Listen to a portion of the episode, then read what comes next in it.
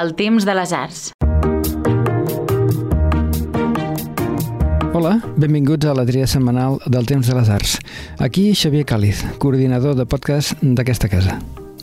Avui ens visita el senyor dels trons, no es tracta de cap divinitat clàssica ni pagana, no va per la vida amb un martell per fer en renou entre els núvols, no es menja les criatures com Saturn, eh, com a mínim que jo sàpiga. El que utilitza són les eines atemporals dels borinots torrecollons, dels missatgers incòmodes, dels que diuen allò que algú havia de dir, o no. I amb això eh, es balota més d'un galliner.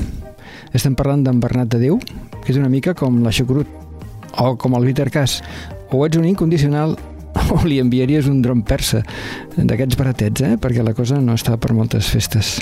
Tot seguit, en Bernat ens comenta l'article Pujol vist per Trueba, que ha fet força rebombori al nostre web. Un article que toca una nafra nostrada i exposada públicament a la picota mediàtica. Una nafra que fa palesa encara més la capacitat del fort per amagar unes i exposar-ne d'altres. La nafra com a estructura d'estat, podríem dir. Després de la introducció del Bernat de Déu, podreu escoltar l'article llegit per la veu templada i consistent de l'Isidre Sánchez. Comencem.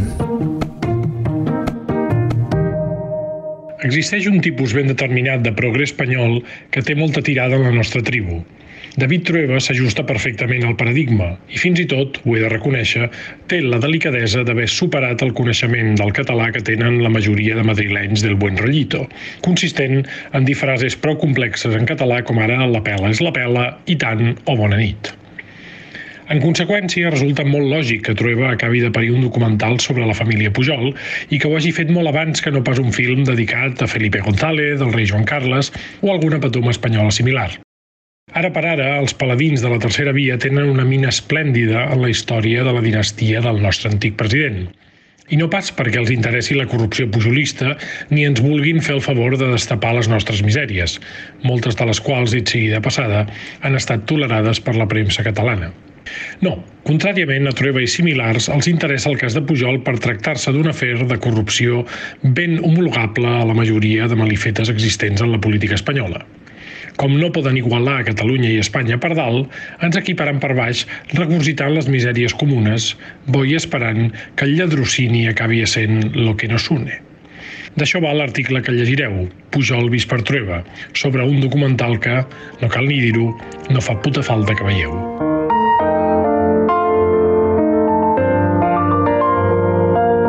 Hola, sóc Damià Morós, Potser m'hauran sentit a La Reserva, el podcast de patrimoni del temps de les arts. Si no ho han fet i els hi agrada l'art, els museus, els monuments i allò que té a veure amb la cultura del nostre passat, ens poden seguir al podcast La Reserva del temps de les arts.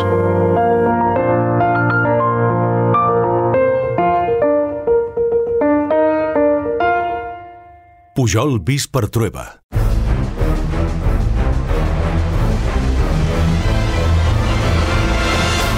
Que si va segant, diguem, la, la, la branca d'un arbre, al final pa, pa, pa, cau tota la branca, tots els dius que hi ha. No, és que només caurà aquell de ra, aquell de ra, no, no, cauran tots. A mesura que et fas gran, tens poques ganes de perdre el temps, i és per això, entre moltes d'altres coses, que no miraré La Sagrada Família, el documental de David Trueba sobre la família de Pujol, tot el que pugui dir un progre espanyol, i més encara quan es disfressa d'amic i de la catalana tribu, sobre l'antic president m'ho conec més que el missal. I també em puc estalviar escoltar per enèsima vegada els nostres periodistes nacionals afirmant que tothom ho sabia, mentre ells tenien els santíssims collons de callar com putes durant lustres.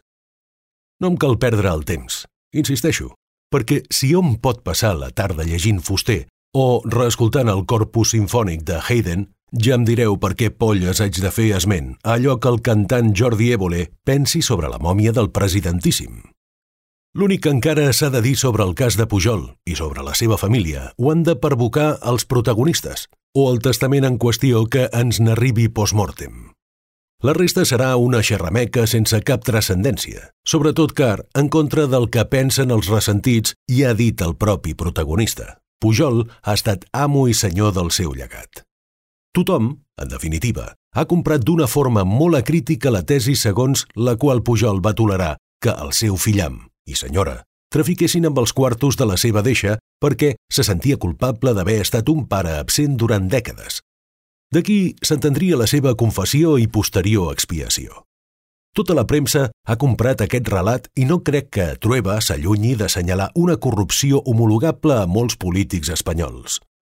L'únic interessant, en definitiva, seria refutar aquesta tesi i afirmar, com entendria fins i tot una cadernera, que Pujol coneixia perfectament els negocis dels seus fills, sinó que els va tolerar perquè volia disposar de diners mitjançant la corrupció política amb intencions molt clares.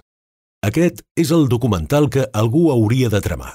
A saber, el film on Pujol confessés com, efectivament, va servir-se la corrupció espanyola per tenir un estatus familiar econòmic de primera, poder tractar de tu a tu les èlits madrilenyes i així evitar que els espanyols el tractessin com un pajarol més. La salmòdia progre sobre la corrupció del clam i de com n'eren de llestos per fer pasta ja me la sé. Quan algú m'expliqui per què i com el robatori sistèmic fou l'únic ascensor social dels polítics espanyols durant el postfranquisme, ja m'avisarà. Fins aquí la tria setmanal del Temps de les Arts. Esperem estar amb vosaltres d'avui en set.